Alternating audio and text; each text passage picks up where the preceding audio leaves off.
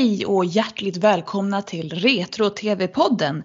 Podcasten för alla ni som älskar gammal klassisk television. Eh, och jag heter Linnea. Och jag heter Erika. Ja, och idag ska vi prata om vad då Erika? Jo, vi ska ju prata om husdjur eller djur i tv-serier. Ja, precis. Eh, och eh, vi ska väl försöka hålla oss till alltså verkliga djur i princip hela tiden. Så alltså där man har tagit in djurtränare och riktiga djur för att spela djur. Så att vi kommer inte ta upp sådana här exempel som eh, Dino i The Jetsons och liknande utan det blir verkliga levande djur av kött och blod. Ja, allting annat är för, eh, för främmande, för långt bort för min lilla tankevärld. ja, precis. Eh, när man tänker, tänker så här, djur i serier så har vi ju kanske är det främsta exemplet. Eh, då tänker jag på Lassie. Ja, det är väl den, alltså Lassie personifierar väl liksom djur i tv-serier. Han spelade ju också, eller hon, jag tänker alltid att Lassie är en han för att han, hon spelades av en hanhund. Um, men där har vi ju liksom ett djur som faktiskt spelar huvudrollen. Mm, precis. Eh, och den här serien gick ju en herrans massa år. Jag var när jag in, inför researchen till det här programmet så kollade jag upp det här och den är fortfarande på femte plats över de amerikanska tv-serier som har gått längst på amerikansk tv. Jag tror ja, den har gått i vad är det, 19 år någonting va? Precis, 1954 till 1973. Så från egentligen den tidiga tvn, amerikansk tv kom ju igång eh, i slutet av 40-talet. Och sen eh, långt in i ja, 70-talet när tvn var ett eh, eget etablerat medium. Mm, precis. Ehm, och det här är alltså, Lassie, det är, det är från början en serie romaner tror jag som de sen gjorde film av, bland annat en eh, ganska känd med Elizabeth Taylor. Och sen så eh, tyckte filmbolaget att det här eh, kan vi inte tjäna mer pengar på. Så de eh, gav bort alla rättigheter till den här hundtränaren då som hade tränat eh, den här hunden som var med i de här filmerna. Eh, som sen då lyckades få till stånd den här tv-serien så han lär ju ha tjänat ganska mycket pengar på det här tänker jag. Ja, jag tror att det var en extremt bra deal. Sen var det ju inte alls samma typ av pengar i tv på den tiden som det är nu för tiden. Men eh, jag tror nog att det där var en, en bra uppgörelse för hans del. Vi kan väl också säga att alltså, Lassie, ska vi ta den grundläggande handlingen? Jag tänker att många känner till karaktären Lassie, men ganska få vet nog vad tv-serien faktiskt handlade om. Mm, ja, men det kan vara bra. Jag är nog en av dem till exempel. Precis. Nej, men vi kan väl, vi kan väl fortsätta berätta det här med att som sagt Lass, karaktären Lassie bygger på en romankaraktär av den brittisk-amerikanske författaren Eric Knight. Eric Knight ska jag säga. Um, och uh, den första boken som han skrev den hette Lassie Come Home och det handlar om hur den här stackars uh, border collien tvingas flytta från sin fattiga familj som inte har råd att ha kvar henne eh, till Skottland. Men Lassie vill ju inte vara i Skottland utan han vill ju hem till sin familj och sin young master. Så han lyckas ju rymma då från eh, Skottland hem till Yorkshire. Och det är ju en sträcka som är kanske en 80, 90, 100 mil så det här var ju en ordentlig bedrift av den här kloka, snälla, sympatiska hunden.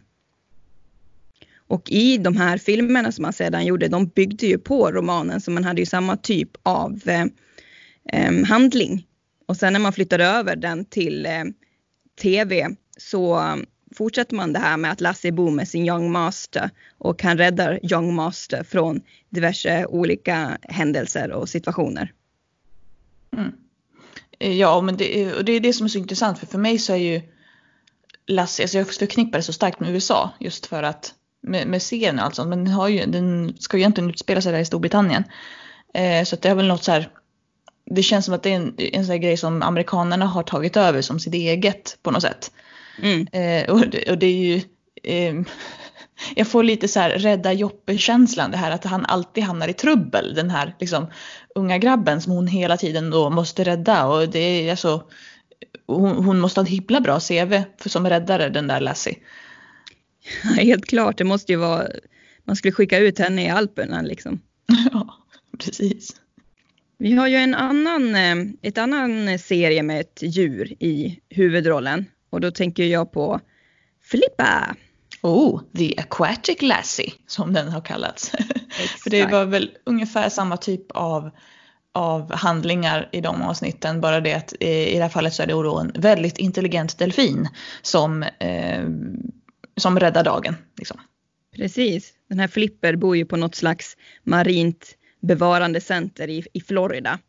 Och där ägs han, eller jag vet inte om man kan äga en delfin, det känns inte riktigt moraliskt rätt i min, i min bok. Men han tar sig i alla fall om hand om chefen för det här marina centret.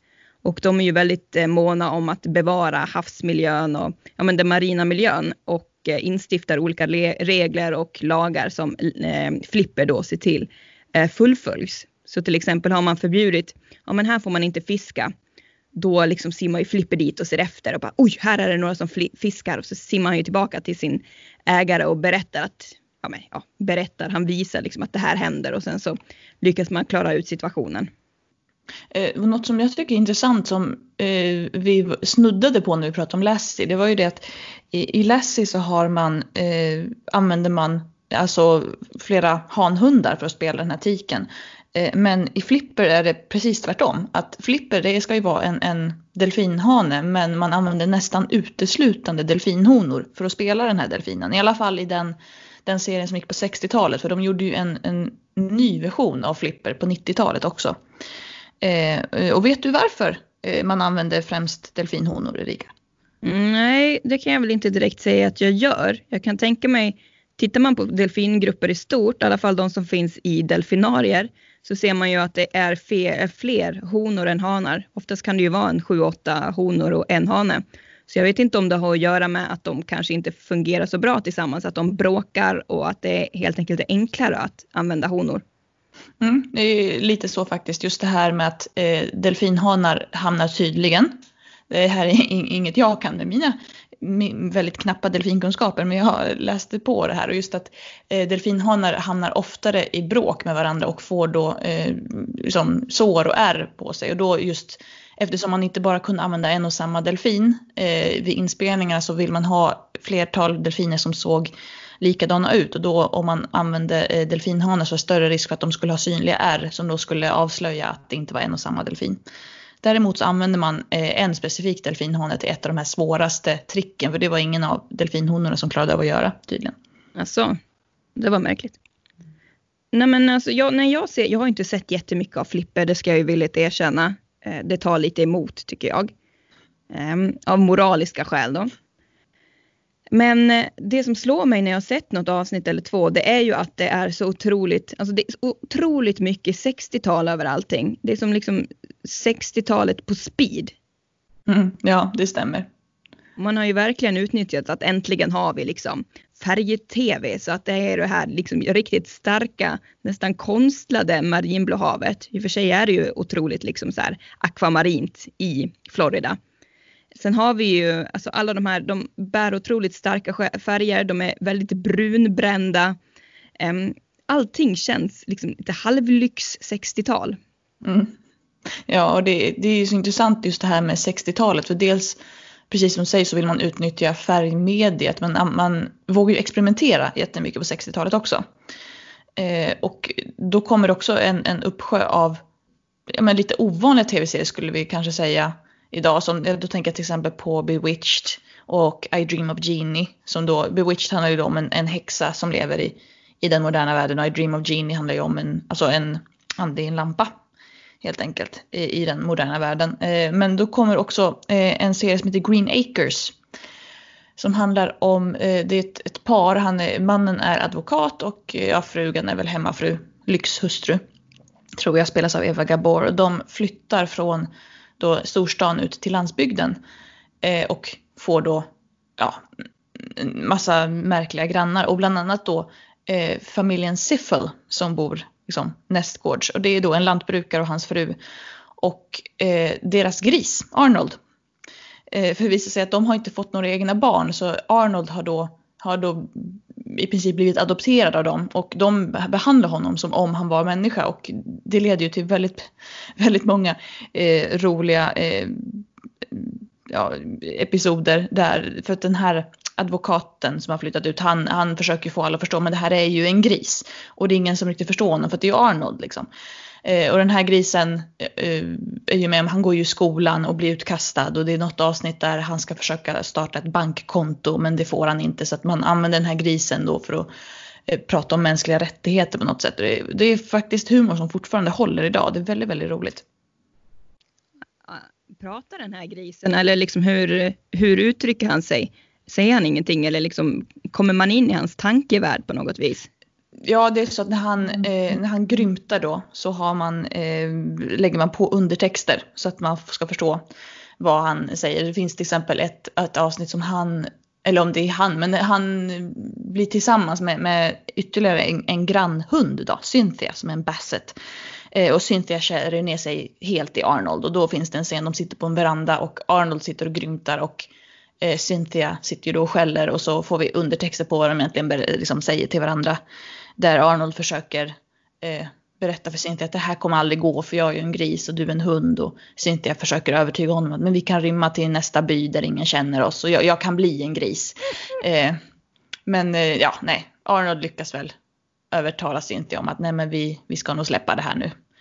Alltså, så det blir en smärtsam tårdrypande, ett smärtsamt tårdrypande uppbrott där på ja. balkongen. Det kanske man inte ska säga, det är ju en, en komediserie så att, och det är liksom, det är ju en gris och en hund så att så värst sorgligt blir det inte. Ja, man vet aldrig, jag hör stråkarna. Ja. Och syrsorna som knäpper. Och grisarna som gråter. Ja, kanske. På tal om grisar, det finns ju fler grisar i tv-serier.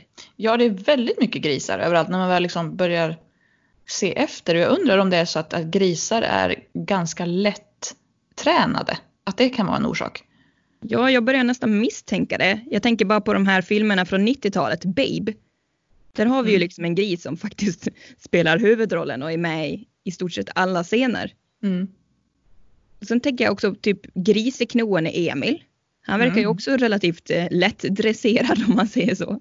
Ja, absolut. Eh, och det är just Astrid Lindgren det är lite svårt att säga vad som är filmer och vad som är serier med Astrid Lindgren just för att mycket av det som filmatiserades av hennes böcker gjordes ju i en slags långversion som man liksom visade i olika avsnitt på tv och sen klippte man ihop dem till en film och det är svårt att säga egentligen vad, vad som var hönan och vad som var ägget där. Men vi kommer nog ta upp de flesta Astrid Lindgren exempel i det här avsnittet ändå.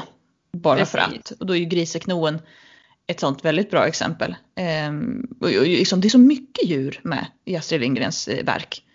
Absolut, men jag tänker ska vi prata klart om grisarna innan vi går in på Astrid? Ja, ja. Absolut. Vi har ju några, några grisar till att beröra. Ja. Ehm, och jag älskar ju grisar så jag vill ju grisa ner mig i det här riktigt ordentligt.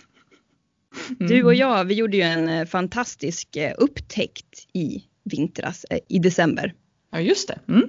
Då hittade vi en eh, ny julkalender, eller en ny julkalender är väl för mycket att säga, den är från 1986. Nu kommer jag aldrig ihåg titeln, jag blandar alltid ihop dem och sätter den åt fel håll och hit och dit. Eh, julpussar och stjärnsmällar. Ja men precis, så heter den ju. En fantastisk, fantastiskt underhållande julkalender som utspelar sig uppe i Busnäs i Dalarna. Jag tänker att det är uh, uppåt Siljanstrakten. Mm, alltså det är ju uppenbarligen en, en man har använt Nusnäs och bara bytt ut eh, en bokstav. Så att det är uppenbarligen runt de krokarna det ska utspela sig. Och där har vi ju en, en karaktär som heter Emily. Som jag inbillar mig kommer lite från storstaden. Hon åker med sin mormor som spelas av Emmy Storm. Mm, som flyger. Det är fruktansvärt roligt. Eh, det som är så roligt också, nu är jag ett sidospår, men det som är så roligt med den här julkalendern också det är att det är så mycket liksom, duktiga och liksom, välkända skådespelare som är med och som får liksom göra så halvtokiga roller. Det, tänker, det är Stefan Ekman och vi har Johan Rabeus som sån här huvudskurken i, i den här serien. Och så har vi Per Oskarsson till exempel som någon gammal militär. Och, eh, ja, det, det, den är helt skruvad. Men i alla fall Emily då. Hon eh, blir ju avlämpad av sin mormor där. För jag vet inte vad mormor ska iväg och göra men hon kan i alla fall inte ta hand om Emily. Jag tror att hon ska ut på något flygäventyr. Ja, hon verkar ju vara en sån här typ upptäcktsresande nästan. Mm, så kan det vara. Men Emily blir avlämnad där i Busnäs hos eh, Mona Seilitz. Ja just det, hon också med. Mm. Och um, Emily hon, hon bestämmer ju sig en dag för att delta i ett skidlopp. Och det här skidloppet det, det, det blir ju ganska dramatiskt. Kan inte Ja, du det- berätta lite om det? Ja, det är dessutom det märkligaste skidloppet någonsin. För att, eh, alltså det, det är ett skidlopp så all, alla i den här byn får ställa upp. Det är liksom inga åldersklasser eller något sånt utan alla ställer upp i samma lopp. Oklart hur långt det är de ska skida. Eh, och första pris är då en gris. Eh, och det sägs, jag vet inte om det sägs rakt ut men det antyds väl att den här grisen skulle bli en utmärkt julskinka. Ja, Eh. och så, jag menar det här utspelar sig ju precis före jul så det logiska är väl kanske att eh, dela ut en gris som kan bli Mm. julskinka. Och eh, Emily ställer upp i det här skidloppet för att hon har ju sett den här grisen och blivit helt så här, den grisen ska jag ha. Så. Eh, men det har ju även Johan Rabaeus gjort.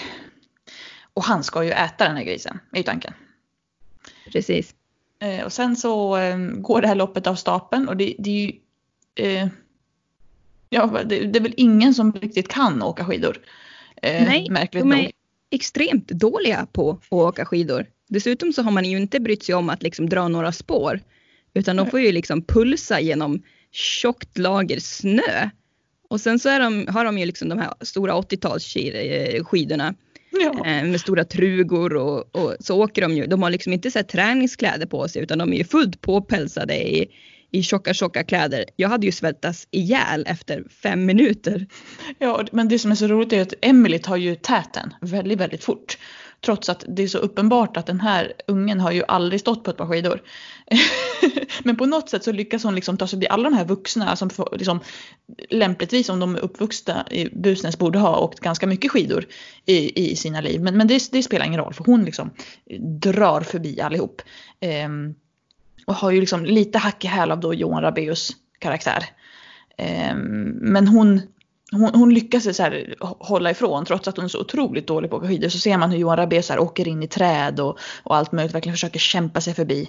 Och sen kommer då mål, eh, målrakan Erika och vad händer då? Ja, men precis då vid målrakan så råkar ju Emily åka över ett litet gupp och ramla. Och då drar ju Johan Rabaeus karaktär om och vinner grisen. Ja det är fruktansvärt. Ja, men Emily hon ger sig ju inte. Hon ska ju ha den här grisen. Det spelar liksom inga, ingen roll. Så hon, eh, hon smyger ju dit till Johan Rabaeus. eh, Ja, han, han sover av någon anledning i en buss.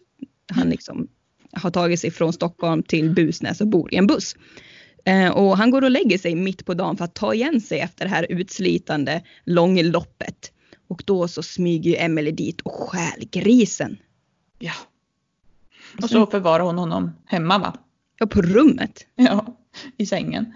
Men ingen märker ju det för Mona Seglitz har ju hamnat på sjukhus i, gallsten. Så att det är ju bara Just. hon och eh, en ja, några år äldre pojke hemma. Mm. Det finns det ju är en väldigt underhållande. Ja, det är fantastiskt kul och det finns en väldigt underhållande scen några avsnitt senare när Emily ska ut och åka med den här grisen i spark. Och den här grisen sitter inbäddad i filtar och så sparkar de fram där genom den här snöiga idyllen och så kommer en dam ut och bara åh har du lillebror med dig? Och så börjar hon beundra den här grisen och ser inte alls att det är en gris. Och Emily står där och bara äh? Men vi har, vi har ytterligare en gris. Mm. Och det tänker jag på Gris, Grisen, grisen Doris i A Country Practice. Ja just det. Mm. Den här får du- australiensiska serien som gick på 80, 90. Ja, jag minns inte riktigt när den slutade. Eh, Jag har för mig att den slutade 93 någon gång. Eh, Och den här Doris då, det som är så kul med, med den här grisen det är att hon är alkoholiserad. Jaha. Det är nämligen så att det finns ett ungt par som flyttar till Walden Valley ute i bushen i New South Wales, eh, Molly och Brandon. Och de, de tar över en gård och med köpet så kommer den här alkoholiserade grisen Doris. Och Molly hon är, hon är så här typ lite djuraktivist, hon är en, hon har en, hon är en väldigt god människa. Och hon, hon vill ju bota Doris från alkoholmissbruket. Och hon säger ju det att jo men ett av de bästa sätten för att bota missbruk det är ju att se till att, eh, att man får bo i en härlig, fin, vacker miljö. Så det första hon ser till att göra det är att hänga upp en stor kristallkrona i svinstien. Och alla de här lokalborna, till exempel veterinären Vicky, hon liksom skakar ju på huvudet och tänker vad är det här för människor som har kommit? Ja, det låter som ett, ett typiskt så här, gröna vågare grej. Lite så. Mm. Lite så. Och på tal om A Country Practice, det här är en ganska intressant serie när det kommer till just djur. För man hade, den är faktiskt känd för att ha en, alltså en ovanlig hög grad inhemska australiensiska djur med. Mhm. Och det tror jag bland annat beror på att en av huvudkaraktärerna är just den här veterinären, Vic, eh, Vicky Dean. Och vi får ju ofta följa med henne ut på olika äventyr i bushen när hon eh, Mm. ser till eh, kängurur och eh, alla olika möjliga typer av pungdjur. Mm. Eh, sen har vi också hennes sambo Simon. Han har ju faktiskt en sån här wombat som Mhm. husdjur. Såklart. De heter Fatso. Och han, den här Fatso, han har ju det ena efter det andra för sig. Det som är liksom det stora skämtet med Fatso, det är att han alltid biter Vicky och Simons gäster. Och speciellt eh, angelägen, eh, att, alltså han, han biter alltid Vickys eh, styvpappa Frank, Mm, såklart. de är polisen i stan. Så fort han går in i liksom deras hus så blir han biten. Och det roliga är ju också att varje gång som Vicky och Simon är borta så är det ju liksom Frank och eh, Vickys mamma Shirley som får se efter den här vombatten och de har ju liksom, de har ju sådana problem med den. Ja, ja, men vi var ju inne lite på Astrid Lindgren här och sen avbröt jag dig och ville prata mer gris. Mer gris ja. ja, man kan aldrig få för, för mycket gris. Eh, så är det ju. Men eh, ja, om vi, om vi går in på Astrid Lindgren via Griseknoen då. Mm, Eh, och kanske till Emil överlag. För det är, ju- det är ju väldigt mycket djur i Emil. Och det är väldigt mycket djur som får en framträdande roll i Emil. Vilket är ganska kul. För det är dels Griseknoen. Det avsatts ju rätt mycket tid bara att liksom visa på när Emil lär upp den här griseknoen. och så. För det är väl, är det inte så att det är Suggan som har bitit ihjäl alla kultingar utom just den här? ja, hon blir ju galen på, eh, på natten och byter ihjäl sina kultingar och sen så har jag för mig att hon dör själv också några dagar senare. För jag för mig att Anton kommer in och säger nu är Suggan död också. Ja, ja eller, om, eller om de faktiskt avlivar henne. Det, det vet man ju inte. Men eh, det är en kulting som överlever eller om det är, är det Emil som upptäcker att hon har bitit ihjäl alla och räddar den sista kultingen. Jag eh, tror, ja det är det. För att eh, Emil vaknar på natten och hör att den här suggan, att, att det skriks utifrån lagården. Mm. Och sen så eh, kommer han in i eh, sina föräldrars sovrum med den här grisen och Mm, säger eller hur? Vakna, det har hänt något förskräckligt. ja, just det, precis. Så är det. Men, men eh, just Emil, han verkar ju ha väldig hand med djur. Helt klart. Ehm, han har ju förutom griseknoen så har han ju också Halta Lotta Mm. och hästen Lukas. Ja, precis. Och ah, liksom, han är väldigt listig Emil också. Han lyckas väl komma över alla de här djuren. I alla fall Lukas och Halta Lotta. Liksom med hjälp av list egentligen. Mm. Eh, helt klart. Lotta köper han ju på auktion i, vad heter den, Backorv. Backorva. Precis. Ehm, och den här auktions, alltså alla skrattar ju åt den här hönan. Och det är väl på grund av dess namn, Halta Lotta. Mm. Men Emil han ropar ju in den och får ju jättemycket skäll av Anton. Men sen visar det ju sig att det här är ju liksom den bästa värphönan. Mm, precis. Ja, det säger väl till och med grabben som säljer Halta Lotta, eller som ägde Halta Lotta innan, att det här är Mm. min bästa värphöna. Ja, Det är, precis. väl det, det är väl det Emil har snappat upp som gör att han eh, budar på den här hönan. Exakt. Och så Lukas kommer han ju liksom också över genom sitt smarta huvud. Då är det ju en Mm, det. hästhandlare som har köpt den här hästen. Men sen visar det ju sig att det är väldigt svårt att sko den. För att han, eh, ja, men han står och sparkar och grejar och håller på och eh, ja, det, han går inte att sko helt enkelt. Men Emil han inser ju att oh, anledningen till varför han är så svår att sko det är ju för att den här hästen är kittlig. Så då säger han ju det att, eller ja, jag vet inte om det är hästhandlaren som säger det att eh, om du lyckas eh, få den här hästen skodd så, så ska du få hästen. För han tror ju absolut inte att Emil kommer lyckas. Men Emil lyckas ju och eh, då är ju hästhandlaren mot sin vilja tvungen att stå Mm. fast vid, vid sitt ord. Och Han tänker väl inte göra det först va? Han tänker väl betala Emil, alltså att han ska få någon slant. Mm, Så är det någon som säger åt honom att men du lovade ju gossen att han skulle få hästen. exakt, pojken ska ha hästen. Mm. Och, och Lukas får ju sen en jättestor viktig roll eh, längre fram. För det är ju tack vare Lukas som Alfred överlever sin blodförgiftning. Mm. Väldigt otroligt bra spelade scener. Alltså jag tycker han är en fantastisk skådespelare, den, den lille Emil. Mm. Ja, vi, vi var ju inne på just det här att det är svårt att veta med Astrid Lindgren om, om man ska kalla, liksom, klassificera det som en film eller som en serie. Men det finns ju en som definitivt är skriven för tv och det är ju Vi på Saltkråkan. Mm, precis, från 60-talet. Ja, och där har vi ju Båtsman. Ja, Båtsman! Vem vill inte ha en båtsman? Han framstår ju som världens drömhund. Ja, men alltså, nu är det länge sedan jag såg Vi på Saltkråkan, men, men vad gör Båtsman egentligen? Alltså för det mesta känns det ju som att han är en, ett sällskap till Tjorven ja. egentligen. Ja, det känns som, alltså han, för han har väl inget sånt avsnitt eller så där han räddar dagen eller så. Utan det är Nej. mest att han, han hänger ihop med Tjorven liksom.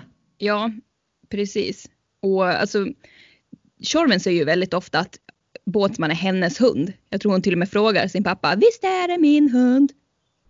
Och då är ju så frågan så här, är det verkligen realistiskt att den här lilla Tjorven som kanske är sex år gammal, hon verkar ju inte gå i skolan än, att hon har en egen stor Sankt Bernhards hund? Ja, eller jag tänker mig att alltså, det måste väl nästan ha varit en familjehund från början. Um, men jag tänker mig att den har väl liksom tytt sig till henne på något sätt och då har, har det blivit hennes hund. Mm. Uh, mer eller mindre. De har väl ehm. tytt sig till varandra. Jag tänker Teddy och Freddy har varandra. Märta och Nisse jobbar i den här butiken och har hand om posten och telefonväxeln och Tjorven är ju den som, som har tid och som inte heller har någon companion i sin ålder när inte Pelle och Stina är där. Precis, eh, och sen kan jag tänka mig just det här eh, det finns ju massa berättelser om hundar som bestämmer sig för när, när det kommer då en ny familjemedlem så bestämmer de sig för att jag ska, nu ska jag vakta och skydda det här lilla, lilla eh, knytet som kom precis. Jag kan tänka mig att det skulle kunna vara en, en en liknande mm, backstory här egentligen också. Om nu Båtsman är så pass gammal att han liksom redan fanns i familjen innan Tjorven föddes så kanske han har mm. bestämt sig för att den här, den här Tjorven den ska jag rädda och, och hålla koll på. Så kan det vara.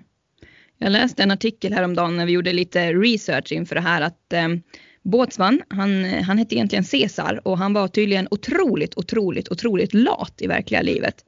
Så för att få honom att agera så så var man tvungen att locka honom med torkad fisk. Så Pelle och Tjorven och de andra de gick ofta omkring med så här torkad torsk i fickorna och lockade honom med. Och sen så finns det ett, eh han som spelade Pelle, han eh, har berättat senare i en artikel hur han och alla barn och Båtsman sov i ett hus. Och eh, man hörde när Båtsman gick och la sig för att det var som en stor duns och hela huset skakade. Det var ju liksom 100 kilo Sankt Bernhards hund som slog sig ner i det här ja. gamla trähuset. Men en, en till Astrid Lindgren person som har djur som, som vänner eller partners nästan, det är ju Pippi. Ja, just det. Både Lilla Gubben och, och herr Nilsson. Um, och det är ju alltså, är det inte egentligen en väldigt konstig kombo att ha en häst och en apa? Jo, och alltså, boende inomhus dessutom. ja, ja, ja, gud, gud vad... Det huset måste ju lukta fruktansvärt. Ja, det lär det göra. Det är ju sådana där detaljer man aldrig riktigt får se hur um, Pippi sköter det. Nej. Det är fruktansvärt rent också för en häst inomhus måste jag säga. eh, I och för sig, lilla gubben kanske går ut när han behöver göra sina behov, det vet man inte. Nej, han kanske, kanske är, är väldresserad. Ja. Men däremot väldresserad, det var alltså, herr Nilsson var ju inte det. Eller den apan de hade. Och jag förstår inte hela den här fascinationen med, med den typen av apor. För de kan ju vara riktigt elaka och, och de är ju, vad jag förstår som väldigt, väldigt svåra att träna också. Ja, han var eh. väl en riktig mardröm, den där dödskalleapan. Mm.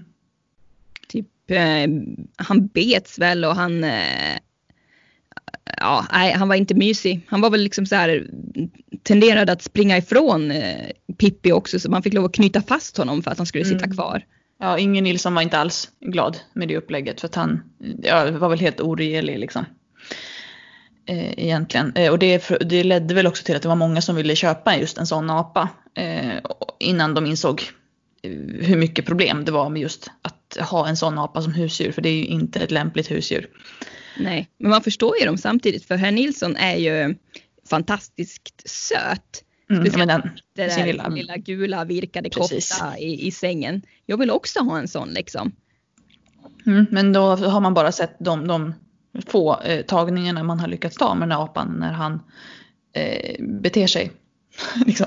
Så Mm. att ehm, Men Jag tänker det, det här du säger med att eh, när man ser djur på tv så, så, så vill man ofta ha ett sånt där djur. Att liksom populariteten kring det här djuret eh, ökar. Och så var det ju verkligen i fallet Lassie. För antalet border collies i USA det sköt ju hund, alltså i höjden mm. i samband med att den här, ja men att filmerna kom och att tv-serien sändes. Alla ville ha en border collie. Ja, det är ju ofta så. Det var väl efter, jag tror efter Hitta Nemo så ville alla ha såna clownfiskar. Trots att clownfiskar är väl utrotningshotade tror jag. Ehm, så där fick den helt, eh, och det hade de inte förutsett då, Disney. Ehm, vilket blev lite problematiskt för alla skulle ha en clownfisk plötsligt. Mm. Har vi några katter? Ja, vi har en katt. En katt som jag älskar. Salem i Sabrina tonårshäxan. Ja just det, det, är- det är väl vårt exempel på en, ett djur som inte är ett djur. Mm. det, det är som undantaget som bekräftar regeln här. Han är ju faktiskt en eh, trollkarl egentligen. Och han eh, försökte ju ta över världen så han har ju blivit dömd till 100 år som katt. Mm.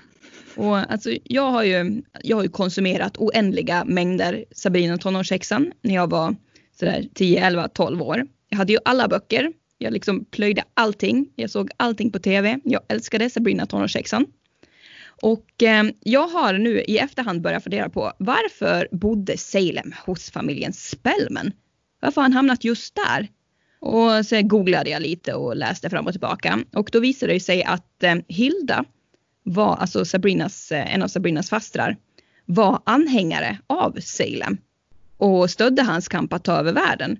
Och hennes straff blev att se efter den här kattens behov i hundra år. Så det är alltså därför som vi har Salem hemma hos The Spellmans. Det är ju så intressant också för att det är väl inte så mycket just i den här katten som man tänker att det här är då en, en jättemäktig trollkarl som försöker ta över världen. Eh, egentligen, för det, han, han i, i serien så är det mer så här en, den kom, det komiska inslaget som kommer med lite så här eh, sarkastiska kommentarer här och där. Mm. Han är ju extremt underhållande och han är ju också en väldigt bra, alltså han älskar ju Sabrina, han ser ju verkligen efter henne och hjälper henne. De har ju ett väldigt bra partnerskap, den här katten och eh, den unga 16-åriga Sabrina som börjar upptäcka sina magiska krafter. Och det som är så kul med Salem det är också det här att när man filmade honom från långt håll så var det en riktig katt. Men i alla närbilder så är det ju så uppenbart att det här är ingen riktig katt utan det här är ju en docka. Den här fula lilla animatronen. Alltså det som rör sig väldigt, väldigt så här stolpigt och, och onaturligt. Mm. Och man behövde ju tre personer för att sköta den här. Så man har Oj. alltså tre stycken eh, kattdockskötare samtidigt on stage. Det finns ju inte så mycket katter egentligen i, i tv-serier. Jag tror att det har att göra med att katter är väldigt, väldigt svår, svårtränade. Eh, vet när de gjorde den här filmen, eh, vad heter den? Homebound Journey heter den på engelska. Den oändliga resan eller något sånt. Det, är- det, det är den här filmen med två hundar och en katt. Som Oh. hamnar flera hundra kilometer från sin familj och ska ta sig hem genom vildmarken. Ja, just det. Eh, Ja, precis. Och vad jag förstår det som att de här två hundarna så hade de ja, ett fåtal, det kanske var fyra hundar som spelade för varje liksom, roll. Mm. Men den här katten tror jag de hade upp till 20 katter som skulle spela den här eh, liksom perserkatten just för att katter är väldigt svåra att, att liksom lära trick och, och få göra som man vill för katter gör precis som de själva vill. ja. Eh, men, men hundar gör ju, gör ju saker för att de tycker att det är kul. Eh, och, och liksom lär sig trick och sånt. Eh, och det är väl därför det kanske inte är så mycket katter som har framträdande roller. Och det är väl därför de var tvungna att ha den här eh, dockan också, eller den här lilla roboten också, som var Salem.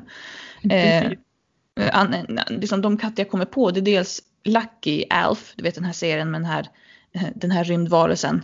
ja, som det är kommer- inte, inte en av mina favoritserier ska jag Nej. ärligt erkänna. Och jag, jag ko- kommer inte ihåg varför han stannar kvar på jorden så pass länge. Om det är för att han gömmer sig eller för att hans rymdskepp har gått sönder och han väntar på att någon ska komma och hämta honom. Men han bor ju hos den här familjen Melman. i liksom alla, alla säsonger som den här serien går. Och han försöker ju konstant att äta upp Lucky, den här katten.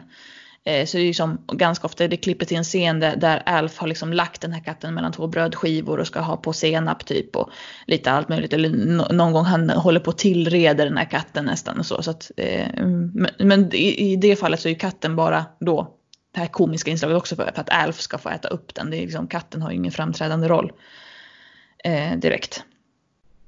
Eh, den enda katt jag kommer på som har en sån liksom, betydelse det är Spot i Star Trek The Next Generation. För där har vi då den här karaktären Data som är en android som vill lära sig mer om, om mänskligheten, hur det var människa. Och han skaffar sig då ett husdjur, en katt som heter Spot. Och då eh, för att liksom, det har ju människor så att på något sätt kanske han liksom kan förstå varför om man har en katt. Eh, och sen ganska långt fram i serien eh, så är det ett avsnitt där besättningen på Enterprise utsätts för något slags eh, virus eller eh, av något slag som gör att de börjar mutera och bli andra livsformer. Och det här händer även med Spot. Så Spot förvandlas till en, en, en leguan av något slag tror jag. Men det har ju visat sig också under det här avsnittet att, att Spot faktiskt inte är en hankatt utan det är en honkatt. För hon är gravid med små kattungar. Eh, jag kommer inte ihåg hur det här gick till men hon är gravid med kattungar och de här kattungarna förvandlas inte till liksom, några andra raser och på så sätt kommer de fram till att om vi då kan hitta om det är stamceller från ett mänskligt foster så kan vi liksom hindra de här förändringarna i oss själva också.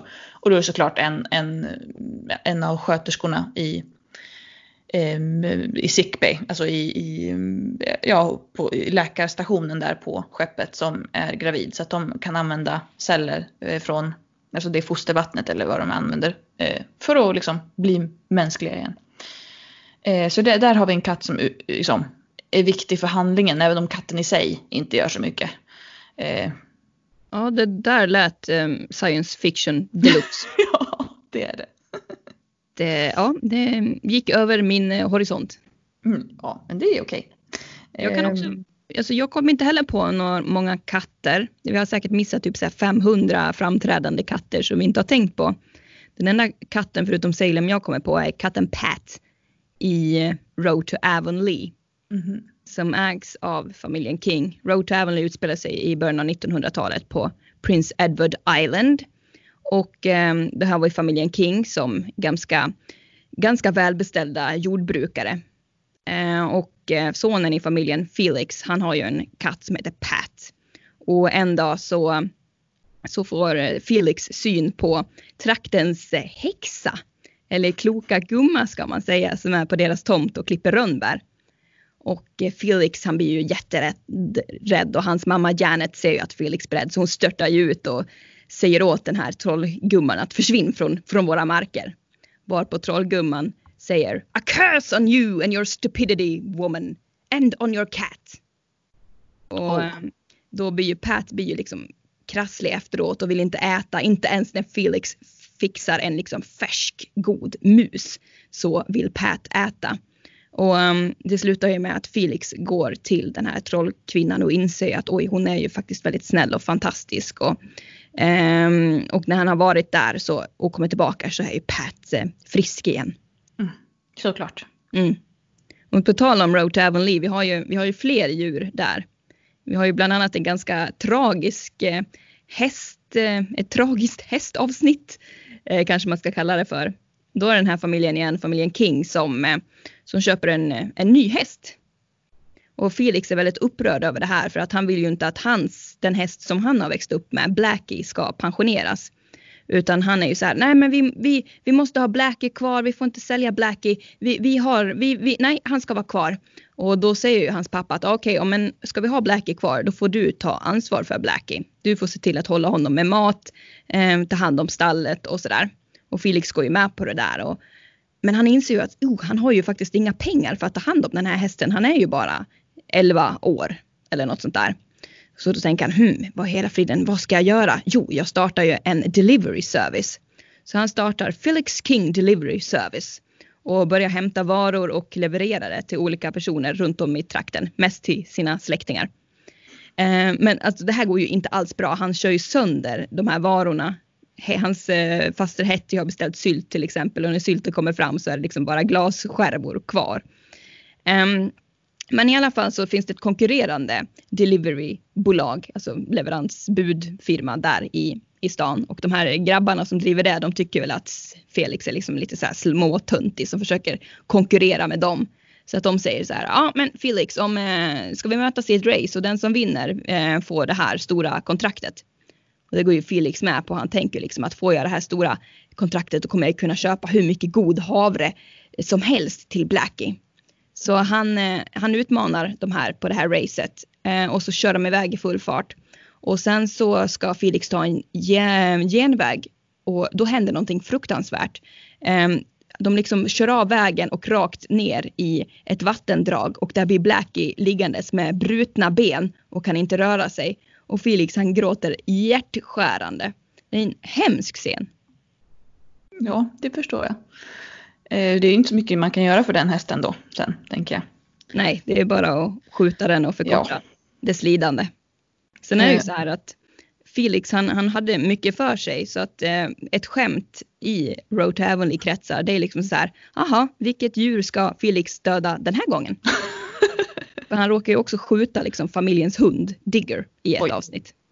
Hur, hur råkar man skjuta en hund? Jo men det är ju så här att Felix när han fyller 13 så önskar han sig ett gevär. Hans föräldrar, Alec och Janet, tycker kanske inte att en 13-åring ska ha ett gevär att gå omkring och skjuta med. Så han får en kikare istället. Extremt, extremt besviken. Eh, men så hör han ju att eh, om man levererar kött till det lokala hotellet då kan man få bra betalt. Eh, så han tar sin pappas gevär och sen så ska han gå ut och skjuta sig en hjort. Mm. Och när han står där och siktar så kommer Digger, alltså den här hunden springandes. Och av misstag så råkar ju Felix skjuta Digger istället för hjorten. Och så får han liksom, han, eh, Digger överlever men det här avsnittet, alltså, han har ju förskräckliga skuldkänslor och hans föräldrar är ju så besvikna på honom. De är inte arga utan de är besvikna. Ja, det värsta som kan hända. Ja, det är ju det. Fruktansvärt. Jag tänkte det du sa med det här racet som Felix är med om. Det, det, det är också en så ganska vanlig handling i de här familjeserierna. Att det, det, under, I något avsnitt så kommer det ett, så här, ett häst, en hästkapplöpning av något slag. Till exempel i Dr. Quinn så är det ett avsnitt där det ska vara den här, någon slags årlig hästkapplöpning som då bara sker i en säsong men det tydligen sker varje år. Eh, och, och Michaela får veta att kvinnor får inte ställa upp och då ska hon givetvis ställa upp för att visa att kvinnor också kan. Så då, då har de, um, hon har sin häst Flash och så klär hon ut sig till man. Och så självklart så vinner ju Michaela hela det här uh, racet. Ja, det är och, och bevisar då också att kvinnor kan och att den här hästen Flash också kan för att den liksom, uh, var väl lite uträknad också. Ah, jag tror, jag tror att flashet stod dessutom så att det liksom var liksom två kvinnor som vann. Liksom. Oj, oj, oj. Var den så här typ dramatisk scen där hon typ så här drar av sig en mössa eller ridhjälm och det här långa håret ja. faller ut. Ja. Man bara oj, it's a woman, it's Michaela. Hon, hon, får ju priset då och då när hon har fått priset i handen så tar hon av sin hatt och visar att det är hon och då blir hon ifråntagen det här priset. Och så, och så är det ju någon som vill protestera så nej men det gör ingenting för jag har ändå bevisat att kvinnor kan typ. Och så avslutas äh, avsnittet. Oh, Typisk Dr. Quinn-stil. Ja men verkligen. Och intressant nog så finns det ju ett avsnitt i Lilla huset på prärien med exakt samma namn som också heter The Race. Ja. Um, det är ofta så att finns det ett avsnitt i Lilla huset på prärien så finns motsvarande avsnitt ofta i Dr. Quinn. Ja. Lite tillspetsat men samma premiss. Liksom. Mm. Men i Lilla huset på prärien då är det ju Laura och Nelly då som ska tävla. Uh, Laura på en liten ponny och Nelly på ett uh, fullblod som jag tror heter Sparkles. Ehm, men eh, Nelly hon är inte så duktig på att träna det här fullblodigt utan det står ju mest och äter och blir tjockt och sådär. Så att eh, ja, det är Laura som vinner trots att hon bara har en, en billig ponny då och inte ett dyrt eh, fullblod. Mm. vi har ju ett annat sånt parallellavsnitt, Lilla huset och Dr. Quinn som handlar om personer som blir bitna av djur som man tror har rabies. Eller som Just har det. rabies. Eh, I Dr. Quinn så är det ju så att eh, Brians varghundpapp blir biten av en tvättbjörn och utvecklar rabies. Och eh, Eh, den här hunden biter då sen också Ingrid som är då Brians blivande svägerska, det vill säga hans storebrors fästmö. Eh, så det avsnittet, alltså även om, och sen då bestämmer sig Matthew då, för Ingrid dör ju av rabies. Och Matthew bestämmer sig för att han ska leta reda på papp och skjuta honom. Och så det blir en kamp då mellan, och det, det, är samma sak här att Brian har också jättestora skuldkänslor för att han lät papp bli biten och att han lät Ingrid gå in till papp. Eh, vilket gjorde att hon dog då. Eh, alltså, så det, hon dog? Det är, alltså, mm. det är ju en mm. sån här grej som man inte tror ska hända i den, här, i den typen av serier. Bi, alltså små karaktärer som bara, alltså gästkaraktärer som bara dyker upp för det enskilda avsnittet brukar ju kunna dö. Men mm. det känns som ändå som att Dr. Quinn så blir det liksom lite sådana här chockerande dödsfall ibland. Ja, ibland. Det, och det, det är ju nästan aldrig någon som är riktigt alltså, var de viktigaste karaktärerna. Men, men det här är faktiskt ett fall där det är en person som dör och sen påverkar det resten av serien. För annars brukar det ju ofta vara, framförallt så serier på 90-talet, att det som händer i ett avsnitt har ingen påverkan längre fram. Utan det är ju avslutande liksom, handlingar varje avsnitt. Men här är det verkligen så att Matthew blir helt förkrossad när Ingrid dör och är liksom aldrig samma, samma man i resten av serien. Och det är, det är väldigt, eh, väldigt bra skrivet. Eh, men, men vi har ju ett rabiesavsnitt i Lilla huset också såklart. Ja men precis, det är en liknande handling i Lilla huset på prärien. Nu är inte jag superinläst på det här för att jag ser ju inte avsnitt utan familjen Olsen. Det är ju de som är liksom behållningen med Lilla huset på prärien. Eh, men det är i alla fall en situation då Laura eh, på något vis hittar en tvättbjörn ute i det vilda, Jasper, som hon typ adopterar. Eh, och sen så blir hon på något vis biten och flera djur blir bitna och djuren utvecklar rabies och då tror ju Charles och Caroline, alltså Lauras föräldrar, att nu kommer Laura också få rabies. För hon har nämligen blivit förkyld och hon ligger i sängen och hon är varm och hon svettas och har feber och sådär. Men så visar det sig att det är två stycken tvättbjörnar. Um, så att uh, Laura har blivit biten av Jasper som inte har rabies medan djuren har blivit biten av ett annan tvättbjörn har jag för mig. Vilken tur. Ja, det var en förskräcklig tur. Annars hade vi fått kalla in värdelösa Dr. Baker. Ja herregud, då hade ju Laura dött på en gång. ja, så När är Dr. det. Baker går fram går också döden fram. Ja. är det någonting du tror att vi har glömt Erika? Mm, ja, ja, men det kanske... Jo, just det. Eh, vi har faktiskt inte pratat om eh, en av de svenska serier där vi har en, en hund i en av de viktiga rollerna. Det är ju Snoken. Och ja, just Tubbe. Det. Eh, den här eh, som hjälper sin husse att lösa brott som det står om man börjar läsa om snoken. Och sen så börjar man titta på snoken och inser att den här hunden är med ofta i början och slutet av ett avsnitt och följer med så fort då Anders Grip som han heter när han ska liksom åka eller ta bilen någonstans och sitter Tubbe med på passagerarsätet. Men det är egentligen inte så mycket att, att Tubbe löser brotten utan men det finns någon scen där han lyfter på telefonluren och ska liksom eh, ja, få sin husse att, att ta en fler fler fall och lite sådana saker. Men det, eh, men det är ändå så här, det som man minns i, i liksom, när man ser tillbaka det är att Tubbe var ju med och löste de här brotten. Ja, man tänker ju honom som liksom hans Watson. Mm, lite så. Eh, det är i alla fall inte första säsongen. Det är möjligt att han fick en större roll ju längre serien pågick. Eh, och det, det som är lite kul också, man, man ser en liten parallell, det är ju det att Snoken bor ju på Eh, en båt ute där vid Djurgårdshamnen någonstans och tillsammans med Tubbe. Eh, och då har vi ju ett exempel på eh, Miami Vice, alltså en amerikansk serie där vi har då en polis som bor på en båt och han har ju en, en egen alligator. Mm, Elvis, mm, Sonny Crocketts alligator Elvis som jag tror inte har något större att göra utan mest att den finns där. Och det, det, är lite kul att se i USA, då har vi en Eh, jättesnygg liksom, kommissarie eller kriminalare som går runt i så här stilrena kavajer och bor på en jättefin båt med en alligator. Och den svenska versionen så har vi en lite tilltufsad detektiv som bor ute på sin flodbåt tillsammans med en hund och knappt har råd att betala räkningarna. Så det är liksom lite mm. samma grej fast två helt olika skalor. Men båten heter ju faktiskt Titanic. ja. The Pride of the White Star Line. Okej, okay, ja. det hittar jag på själv. Det är nog ingen som har sagt så. Men vi, vi, vi, vi säger att de sa så när Titanic eh, sjösattes. Ja. Um, annars tror jag vi har glömt Svipp också. Åh, Svipp! Mm. Och Pontus i Bullerbyn har vi också glömt. Ja, just det. Lammet. Men Svipp, åh. Alltså relationen mellan Svipp och Olle. Den är ja, så den fin. är väldigt fin. Eh, och jag tycker det är väldigt fint hur de bygger upp hela den här biten med att Olle så gärna vill liksom för han får väl ta hem Svipp medan skomakaren, han har stukat foten va? Mm, han, har stukat skonken som man säger. Ja, så att eh, Olle ska få ta hand om Svipp och sen så måste Olle lämna tillbaka Svipp och han är så ledsen. Så Mm. ledsen.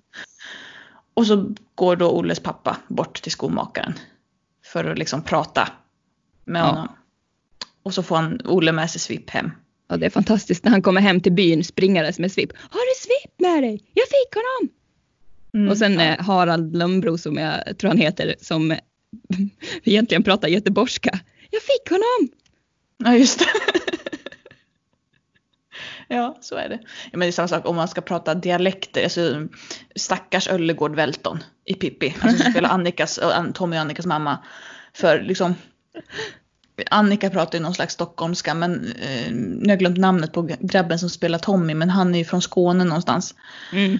Så Öllegård Welton var ju tvungen att göra någon så här pseudoskånskt stockholmska bara för att det skulle finnas en naturlig förklaring till varför Tommy inte, inte pratade som resten av familjen. Och det, alltså, det låter ju så fruktansvärt. Alltså, Ja, det är faktiskt ganska kul. Sånt tänkte man ju inte på när man var liten men nu är det så bara, men hur, hur- låter de egentligen? Det är ungefär som eh, Skånska mord med, med Ernst-Hugo. Åh, Så är det något avsnitt där, jag tror det är Kim Sulocki som 10 eller 11-åring Ja. spelar då sonen. Och då Ernst-Hugo och alla som pratar jättemycket, alltså bred, grov skånska så kommer Ja. Kim Sulocki som pratar stockholmska! ja, det det är är så inte här- riktigt fint. Eh, och det är här, hur, hur skulle den här grabben som ska vara uppväxt ute på skånska landsbygden på så här, 1800-talet, början på 1900-talet kunna prata stockholmska när alla han någonsin har träffat är skåningar? Det är- Mm, Det där där är känns liksom, som extremt vanligt i svenska produktioner. man tar liksom den barnskådisen som är bra utan att liksom reflektera över hur det passar in med resten. Precis. Därför var jag väldigt extremt förvånad när jag såg eh, filmen Åsa Hanna från 40-talet. Eh, som utspelar, ja det bygger på Elin Wägners eh, bok, tror jag att det är. Eh, men i alla fall så, där pratar faktiskt alla skådespelare småländska. Och det här är ju liksom riktiga Stockholmsskådespelare. Det är ju så Edvin Adolfsson, det är Marianne Lövgren, det är eh, Aino Taube. Och sen så smattrar de på småländska där. Inte alltid helt lyckat men ändå liksom att man har försökt och Ja. faktiskt eh, försökt respektera orten som det ska utspela sig Mm, på. det är väldigt ovanligt. Eh, Mm. Väldigt, väldigt bra. Har vi något mer? Vi kom, vi kom in på sidospår med dialekter här nu men jag Mm. tror att... Eh, Nej, men vi, har ju, vi har ju pratat länge och väl om Mm. det här ämnet så det kanske är dags att, att avsluta för, för idag. Ja, det tror jag. Och, eh, tyckte ni om det här och tyckte att det var kul att höra på så får ni ju hemskt gärna prenumerera på oss så att ni får upp varje nytt avsnitt i, i telefonen. Och så har vi ju en Facebook-sida, Retro-TV-podden och där är ni ju varmt välkomna att eh, diskutera loss i kommentarsfältet. Ja. Eh, så nästa gång då kommer vi prata om någonting helt annat. På återseende! Hej hej!